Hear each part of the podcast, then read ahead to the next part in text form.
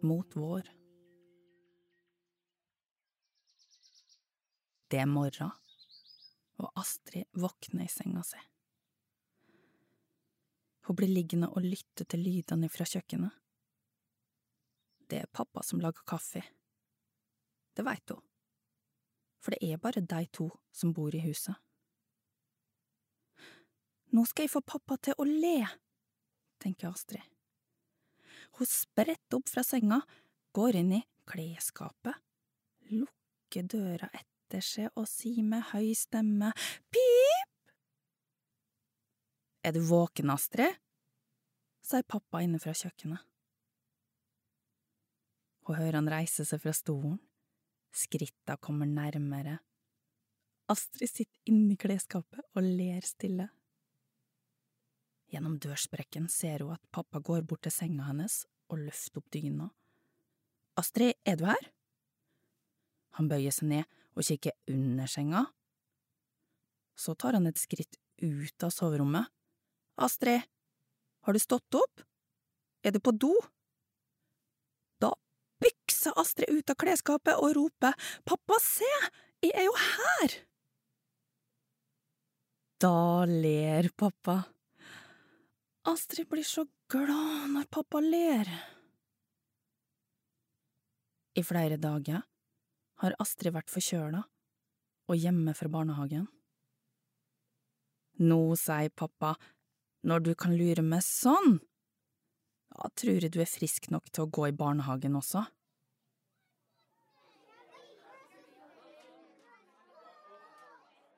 Ved det store vinduet i Maurtua barnehage står Sigurd og Sara. Jeg håper Astrid kommer, for da kan vi tulle masse, sier Sigurd. Tenk om hun er sjuk fortsatt, sier Sara. Vi kan tulle likevel, sier Sigurd. Sara puster på vinduet. Det kommer dogg på glasset. Se, jeg kan tegne et hjerte på vinduet. Det her er hjertet mitt. Inni det hjertet er du. Og Astrid. Ja, også Ida. Da ser de Astrid og pappaen hennes gjennom vinduet. Astrid kommer! sier Sigurd. Hurra, roper Sara, og når Astrid åpner døra til barnehagen, står Sara og Sigurd der. Nå har dere sikkert savna meg, sier Astrid men så tar av seg jakka og skoa. Ja, sier Sara, det har vi. Og nå må vi leike, sier Sigurd. Når pappa skal gå fra barnehagen, står de tre vennene og vinker til han gjennom vinduet. Sigurd sier, pappaen din er jo helt bustete på håret. Ja, han er litt trøtt, men han er den beste pappaen i verden sier Astrid.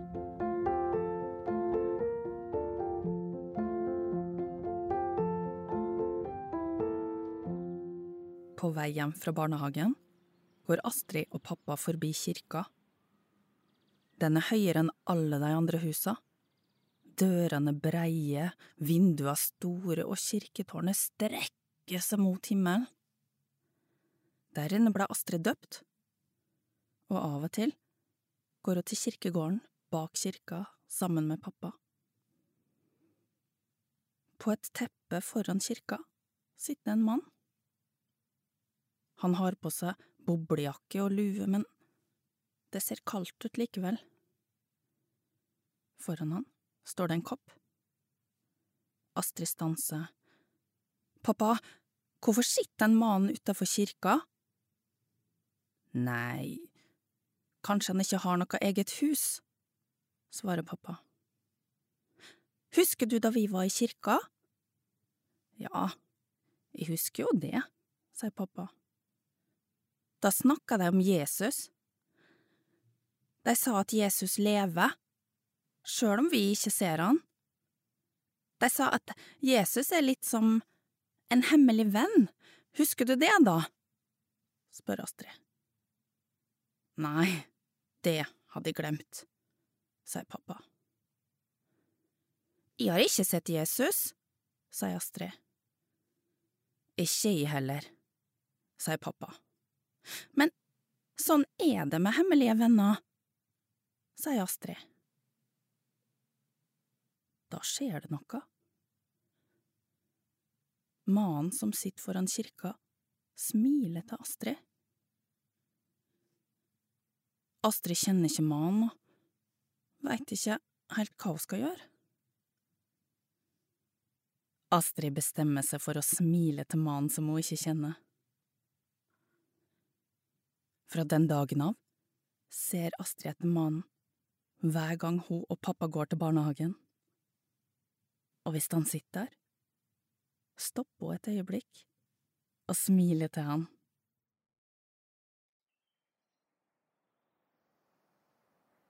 Like bak kirka ligger det en liten skog.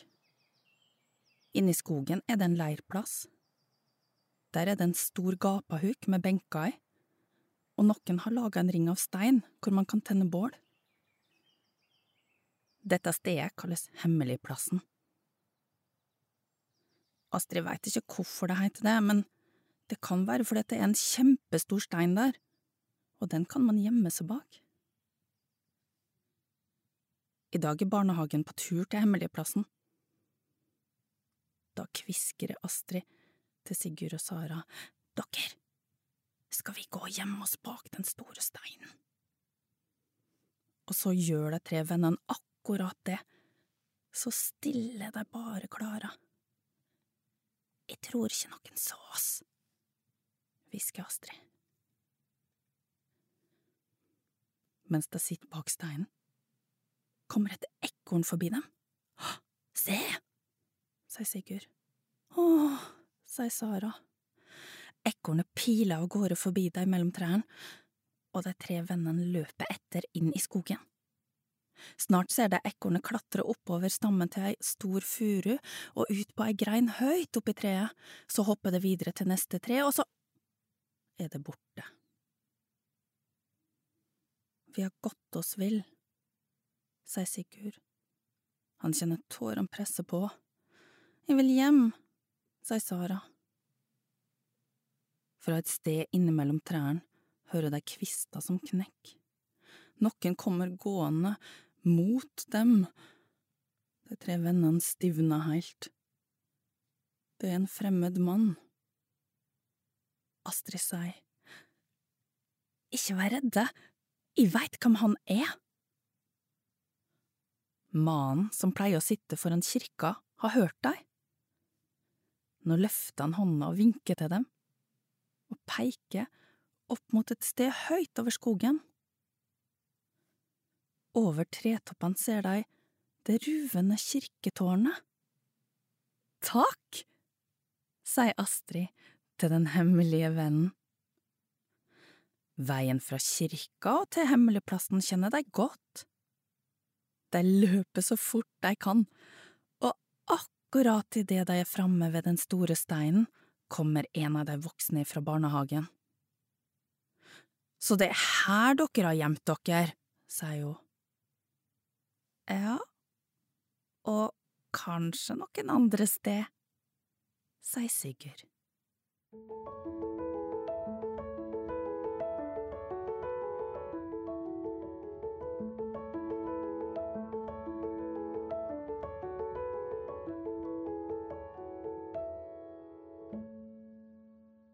Mot sommer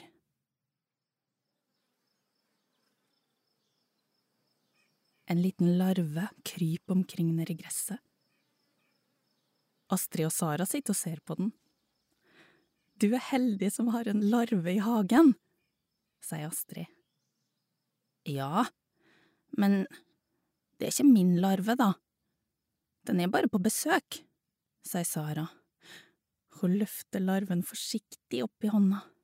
Det kiler når han beveger på seg. Sara ler og sier kom, vi tar med larven inn i huset. Ja, sier Astrid, vi kan lage et eget rom til den. Et larvesoverom. Han må ha et navn, sier Sara. mm, han skal hete mm, Larveleif, sier Astrid. De løper inn på kjøkkenet og finner et tomt syltetøyglass. Her er det nye huset ditt, Larveleif, sier Sara. Hun skrur lokket godt igjen og setter glasset på kjøkkenbenken. Astrid ser seg rundt. Mye her i huset til Sara er forskjellig fra det hun er vant med hjemmefra. Møblene er annerledes.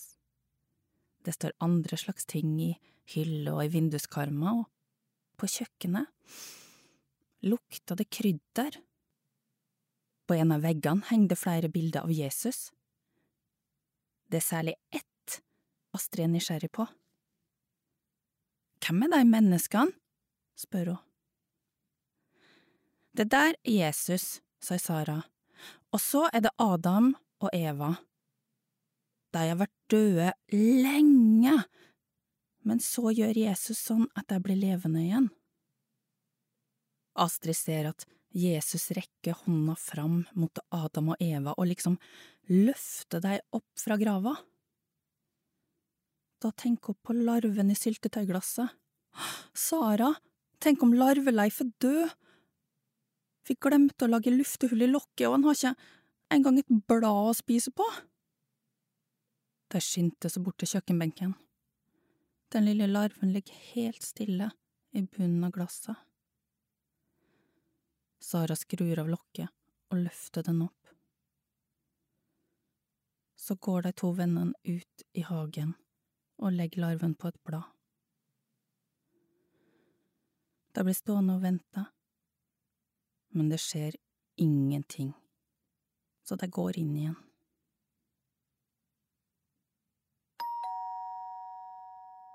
Det ringer på. Faren til Astrid har kommet for å hente henne. Kom inn og ta en kaffe først, sier faren til Sara. De to fedrene setter seg i stua. Astrid og Sara forteller om alt som har skjedd. Når kaffekoppene er tomme, går alle sammen ut i hagen for å se etter larven. Det er Astrid som oppdager det. Larven har gått sin vei. Larven lever! Hurra for Larveleif! roper Sara. Faren til Sara setter seg på huk ved siden av jentene. Dere vet at en sånn larve kan bli til en sommerfugl? Astrid og Sara nikker. Det veit jeg godt. Det betyr at hver gang dere ser en sommerfugl, så må dere være snille mot den, for det kan jo være Larveleif.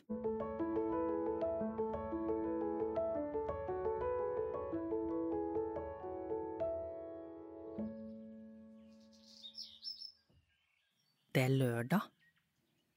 Sara våkner på en madrass på gulvet. Hun har sovet over hos Sigurd.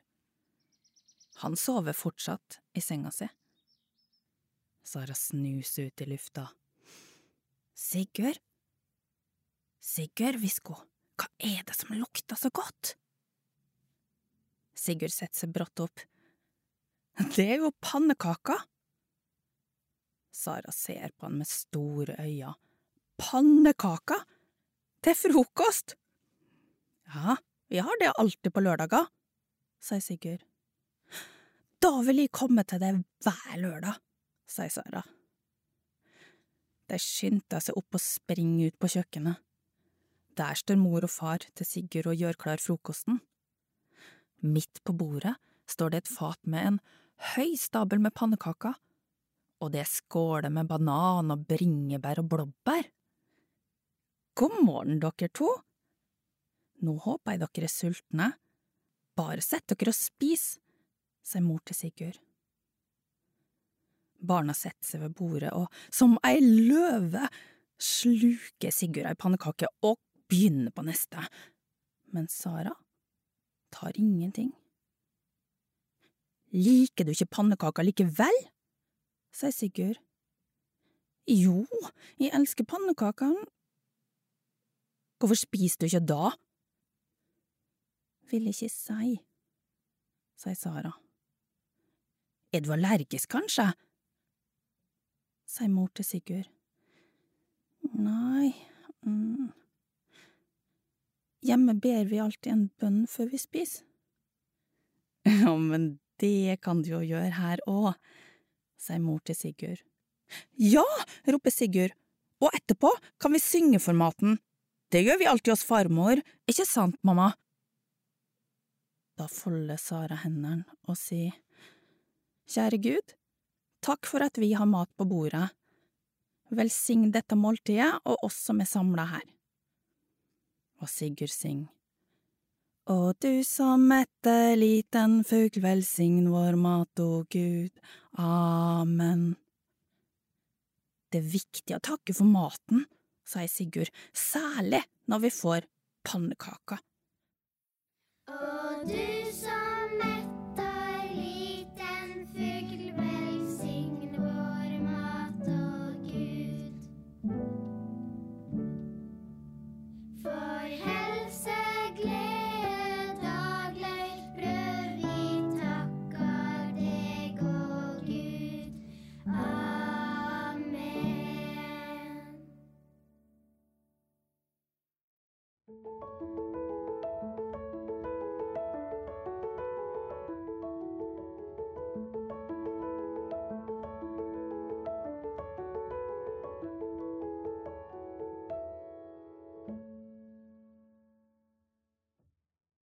Jesus leve.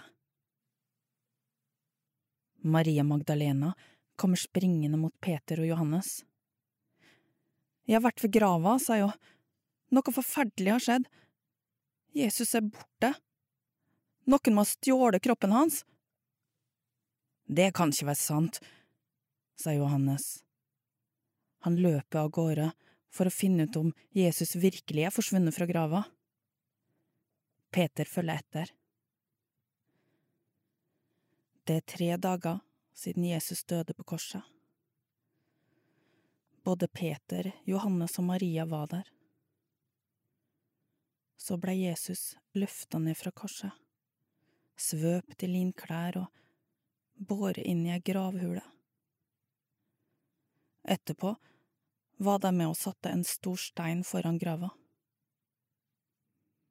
Johannes kommer først fram. Han ser at steinen er rulla til side. Grava er åpen. Han går inn. Sakte vender øynene seg til mørket. Det er tomt i grava. Det eneste som er der, er linklærne som Jesus hadde rundt seg. Peter kommer inn. Johannes ser på han og nikker. Maria hadde rett. Jesus er borte. Peter lenes inn mot veggen og trekker pusten djupt. Han husker på alle tegna og undera som Jesus gjorde. Lammet reiste seg og gikk, blinde kunne se igjen, og fattige og utstøtte fikk håp. Og Lasarus, som var død, fikk livet tilbake. Da kjenner Peter en underlig varme i hjertet. Jeg tror Jesus lever, sier han.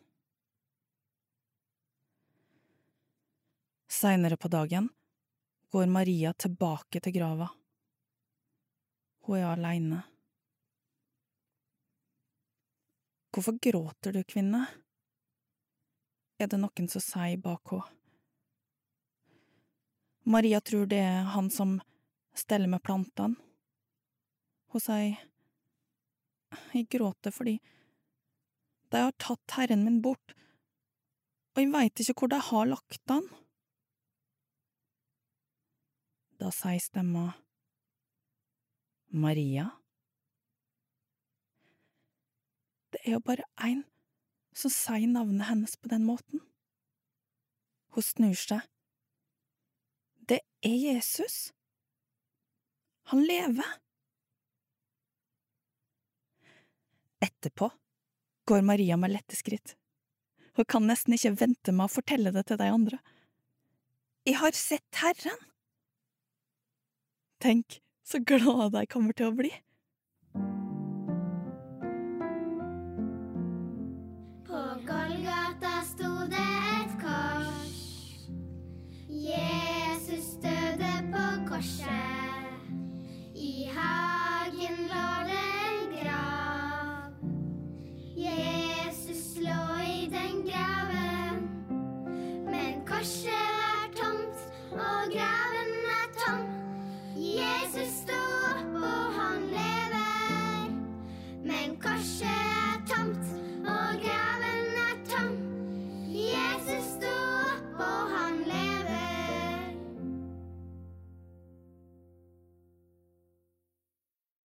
Aftenbønn Gud, jeg tenker på alt du har skapt. Stjernene på himmelen, fiskene i havet, alle trær, og dyr og insekter, og alle menneskene som bor over hele jorda. Men sjøl om du fortsatt skaper noe nytt hver eneste dag, så glemmer du aldri meg. Du kjenner meg, og elsker meg, og ser meg, uansett hvor jeg måtte finne på å gjemme meg.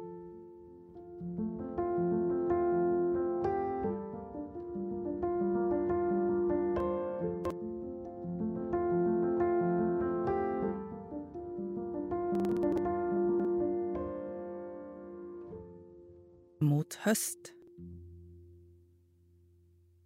I dag er det leikedag i barnehagen, og alle kan ta med seg ei leike hjemmefra.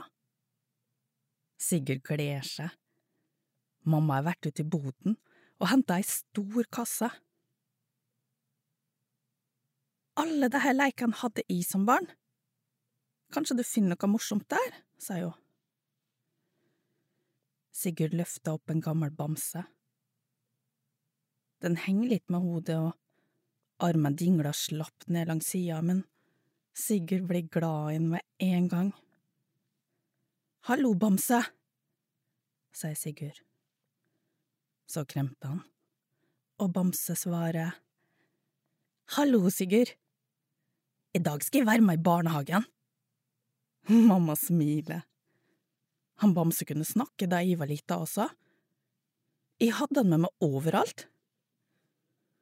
Og hvis det var noe ikke jeg turte å si, så sa Bamse det i stedet. I barnehagen jobber Mari. Når Sigurd kommer med Bamse, spør Mari skal vi lese ei bok sammen. Da blir Sigurd glad. Mens Mari leser, får Sigurd lyst til å si at han liker henne så godt men han tør ikke. Da får han en idé. Han løfter Bamse opp foran ansiktet til Mari. Bamse kremte. Hallo, Mari. Jeg heter Bamse. Og Mari svarer. Så koselig å hilse på deg, Bamse. Du, Mari, jeg vil bare si at du har veldig fin stemme. Altså, er magen din så mjuk og god, og så er du den aller fineste jeg veit. Da blir Mari stille. Det ser nesten ut som hun gråter. Ble du lei deg av det Bamse sa? spør Sigurd. Nei, jeg ble ikke lei meg. Jeg blei kjempeglad sa Mari.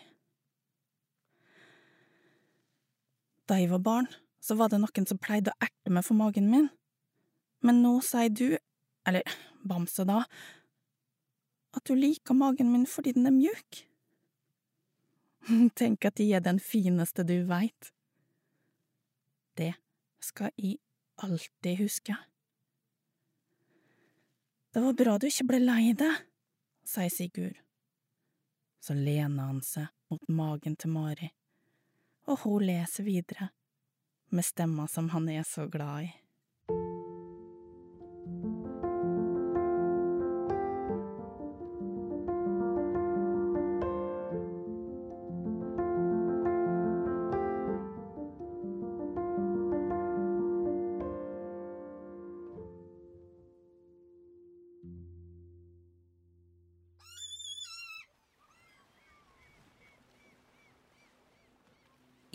elsker stranda, sier Sigurd.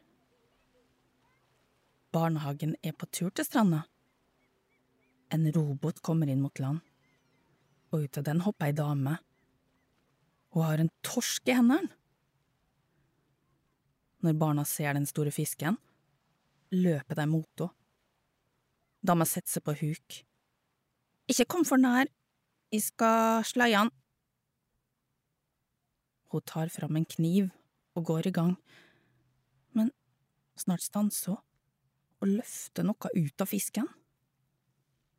Hun viser barna en skitten, gjennomsiktig plastpose. Se her hva fisken har spist. Fisken tror plasten er mat, men det her blir den ikke mett av. Sjuk blir den. Masse fisk dør fordi det er plast i havet. Sigurd vil gjøre noe. Når dama har gått, begynner han og Astrid og Sara å samle sammen all plasten de finner på stranda. Da kommer det en mann gående. Han har kjøpt en is i strandkiosken. Isen er pakka i plast. Men plasten blir tatt av vinden og lander i vannet. Mannen tar bare en bit av isen og går videre. Sigurd ser på Astrid og Sara. Så dere det? Vi må gjøre noe. Ja, sier Sara, vi må si at det ikke er greit å kaste plast på stranda. Ja, det må vi, sier Astrid. Så blir de stille, alle tre. Jeg tør ikke, sier Astrid. Ikke jeg heller, sier Sara. Og ikke jeg heller, sier Sigurd. De ble sittende på stranda uten å si noe. Dere her? sier Sigurd. Jeg tror kanskje Bamse tør å si fra? Han løfter Bamse opp av tursjekken. De løper bort til mannen. Bamse kremter. Unnskyld? Du kan ikke kaste plast i havet. Fisken tror det er mat, og da kan han dø. Mannen stanser og ser på barna. Han blir helt rød i ansiktet. eh, ja, altså… Jeg tenkte meg ikke om. Unnskyld. Så går han faktisk hele veien tilbake tar av seg skoa og vasser ut i sjøen, plukker opp plasten og tar den med seg. Da roper Bamse til han. Nå har du kanskje redda en fisk fra å dø? Å, Bamse, du er bare best, sier Sara. Og Bamse svarer, takk, det veit jeg godt.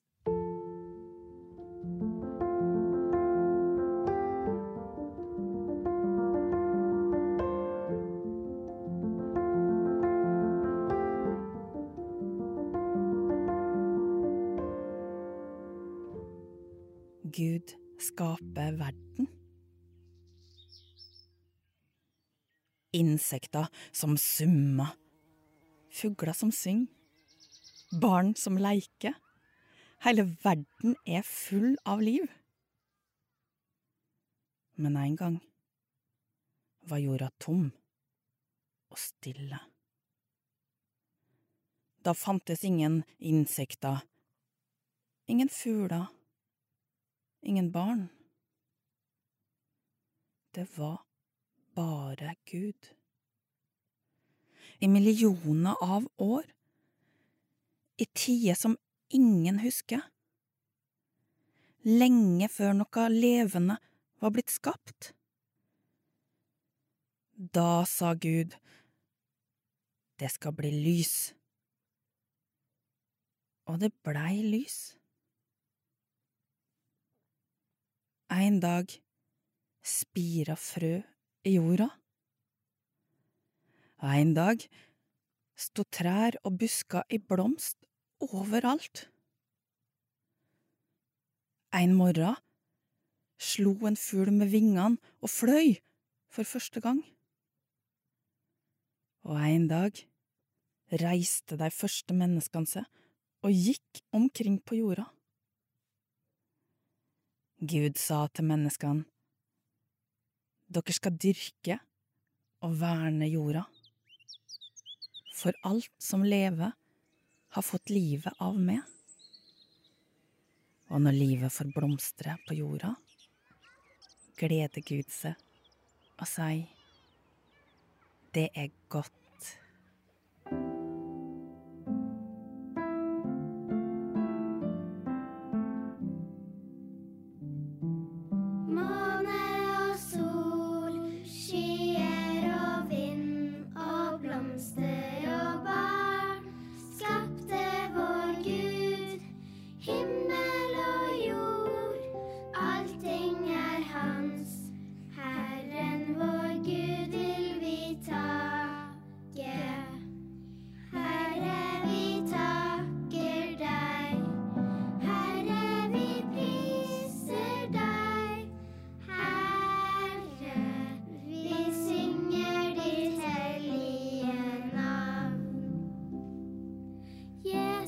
Jesus, Guds sønn, død på et kors.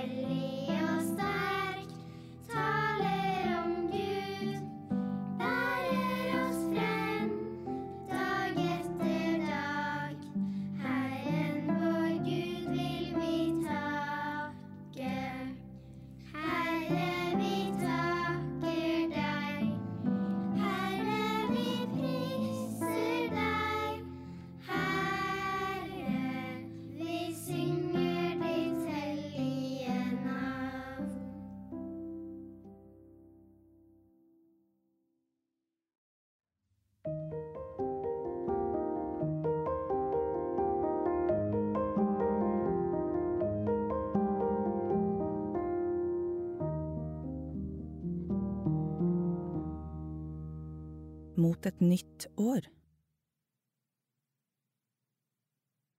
Pappa, jeg har tegna ferdig! Nå kan vi gå til barnehagen. Astrid har laga julekort til Sigurd og Sara. I dag er det nemlig lille julaften, og siste dag før juleferien. De går forbi kirka. Den hemmelige vennen sitter der.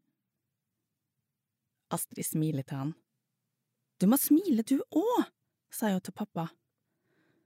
Og pappa smiler så godt han kan. Sigurd er der når Astrid kommer. Vær så god, et julekort til det fra meg, sier hun.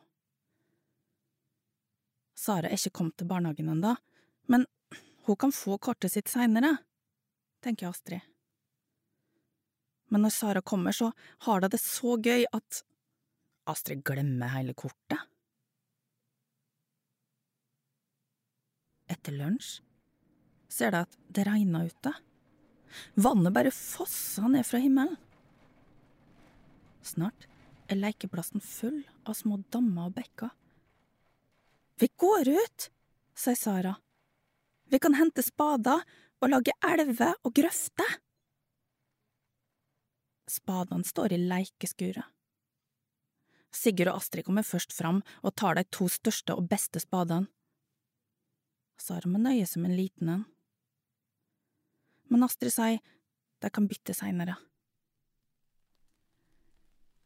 De graver lange grøfter og djupe groper. Lekeplassen blir et flettverk av elver og bekker.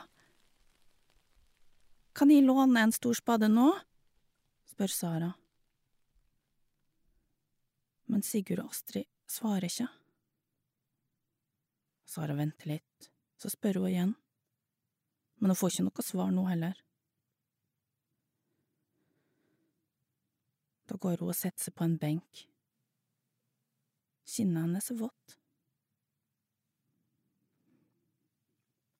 Sigurd og Astrid bygger en demning av bøtter, pinner, sand og planker. De glemmer helt at tida går. Se på den demningen, da! roper Sigurd gjennom lyden av plaskende regn. Tenk at du og jeg har laga den! roper Astrid. Da reiser Sara seg fra benken. Med tunge skritt går hun mot dem i regnet. Så løfter hun det ene beinet og sparker hardt til demningen. Hele byggverket av bøtter, pinner og planker ramler fra hverandre og fyker utover bakken. Du ødela demningen vår, sier Sigurd. Du er dum, sier Astrid. Bare Sigurd får julekorta med. Da ser de at Sara gråter. Unnskyld, sier hun. Jeg mente ikke å ødelegge. Men Sigurd og Astrid går sin vei. Sara står alene igjen i regnet. Like etter kommer pappa for å hente Astrid. Idet hun går ut porten, snur hun seg og ser at Sigurd og Sara leker sammen igjen. Det blir kveld hos Astrid og pappa. De pynter juletreet sammen. Det blir veldig fint, med glitter, kuler og lys, og ei skinnende stjerne i toppen, men Astrid er ikke glad. Hun tenker på Sara. Når Astrid skal legge seg, sitter pappa en stund på sengekanten. Endelig får å fortalt om alt som har skjedd i barnehagen. Og nå blir det jul, sier Astrid, og jeg ser ikke Sara før om lenge. Veit du hva, sier pappa. Nå syns jeg du skal stå opp igjen. Jeg veit nemlig noe vi kan gjøre.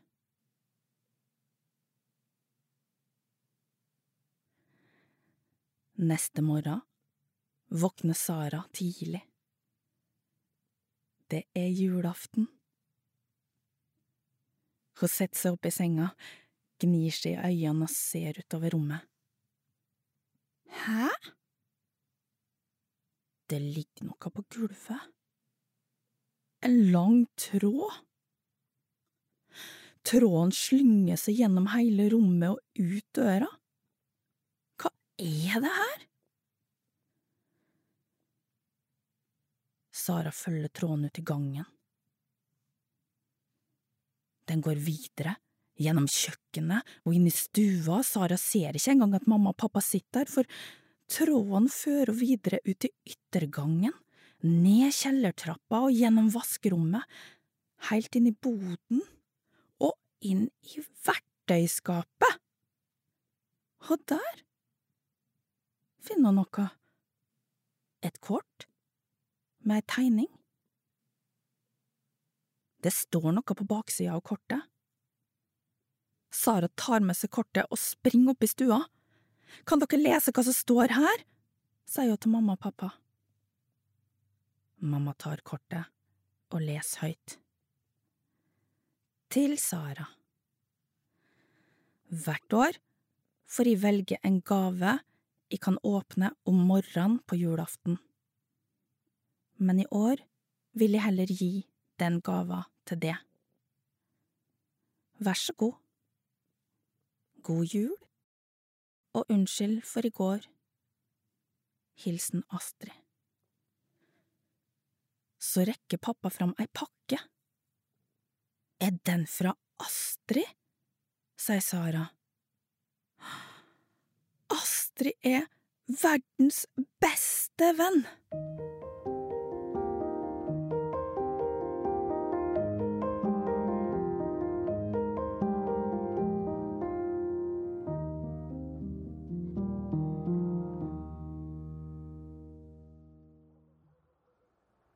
Astrid holder pappa i hånda idet de går inn porten til kirkegården. Snart skal de på julegudstjeneste i kirka, men først skal de tenne et lys på grava til mamma. Astrid var bare ett år gammel da mamma døde. Nå ser Astrid på alle gravsteinene på kirkegården. Noen er gamle, andre er nye. Ved mange står det små lys og brenn og skinn. Snart skal ett lys skinne på grava til mamma òg. Når de kommer fram til grava, sier Astrid God jul, mamma. De tenner et lys og setter foran gravsteinen.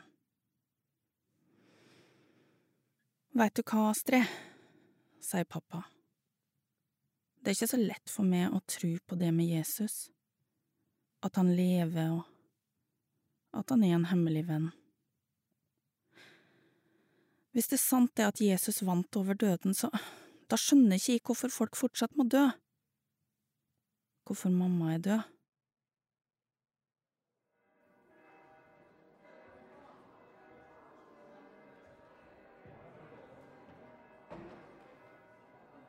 Inne i kirka er det fullt av mennesker. Astrid smetter frem mellom frakker, kåpe og bunader og finner en benk hvor det er plass.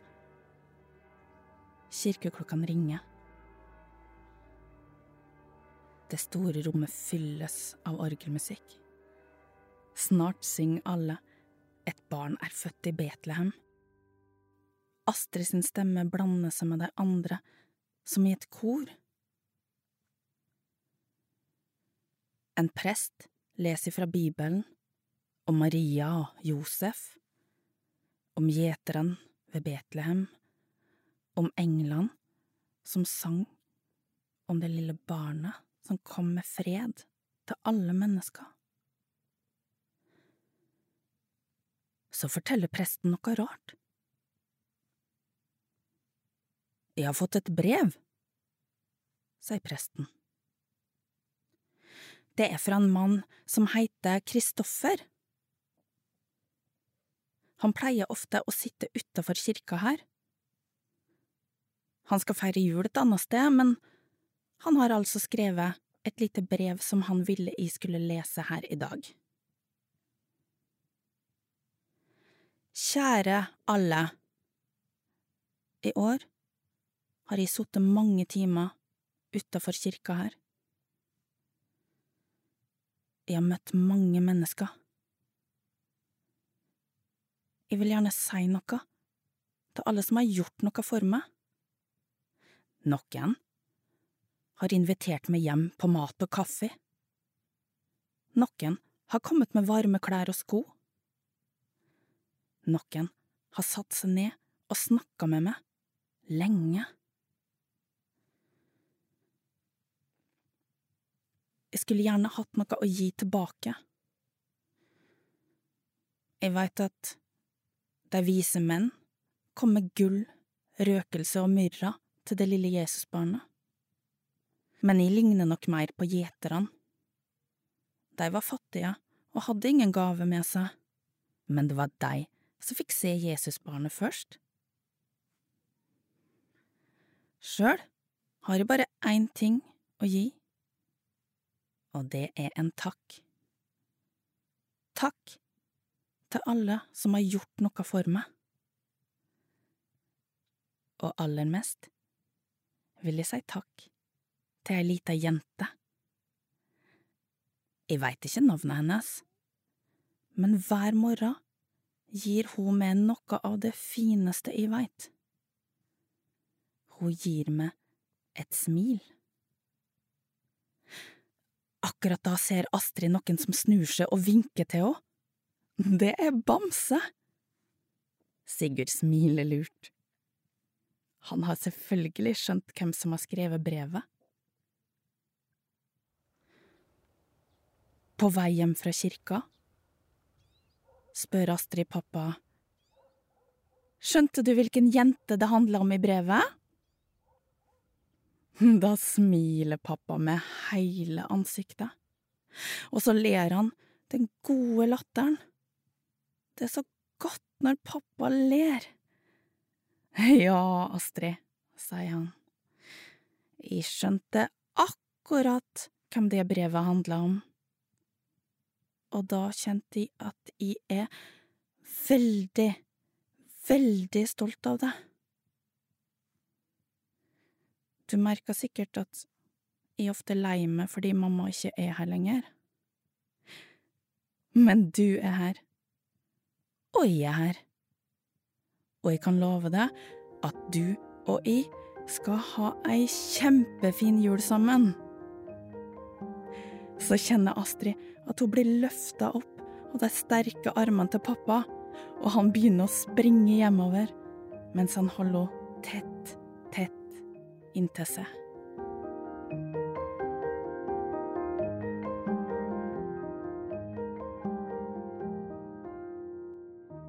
Et hemmelig ord.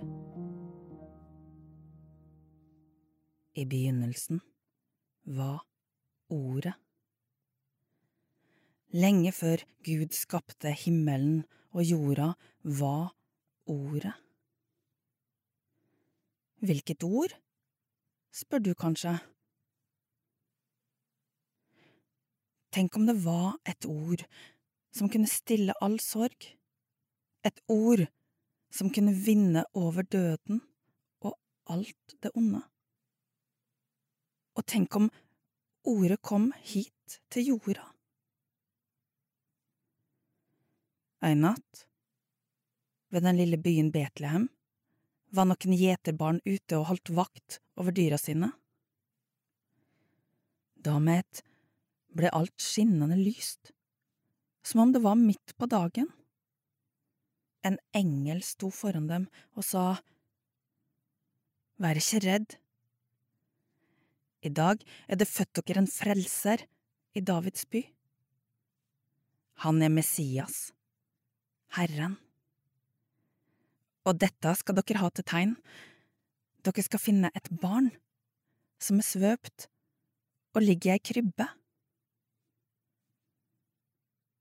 Brått ble hele himmelen fylt av en stor englehær, og alle englene sang Ære være Gud i det høyeste, og fred på jorda blant mennesker som Gud har glede i. Straks englene var forsvunnet, løp gjeterbarna av sted så raskt føttene kunne bære dem. De fant stallen akkurat slik engelen hadde sagt. De ble stående utafor ei stund. Så gikk de inn, heilt stille, og fikk øye på krybba og ei ung kvinne som sto ved siden av den. Det var Maria, mor til det nyfødte barnet. En av gjeterguttene så på og spurte med lav stemme, Hva heter barnet ditt? Maria løfta på hodet, så på han og smilte. Så sa hun det ordet som skal stille all sorg. Ordet som skal vinne over døden. og alt det onde. Og ordet hun sa, var Jesus.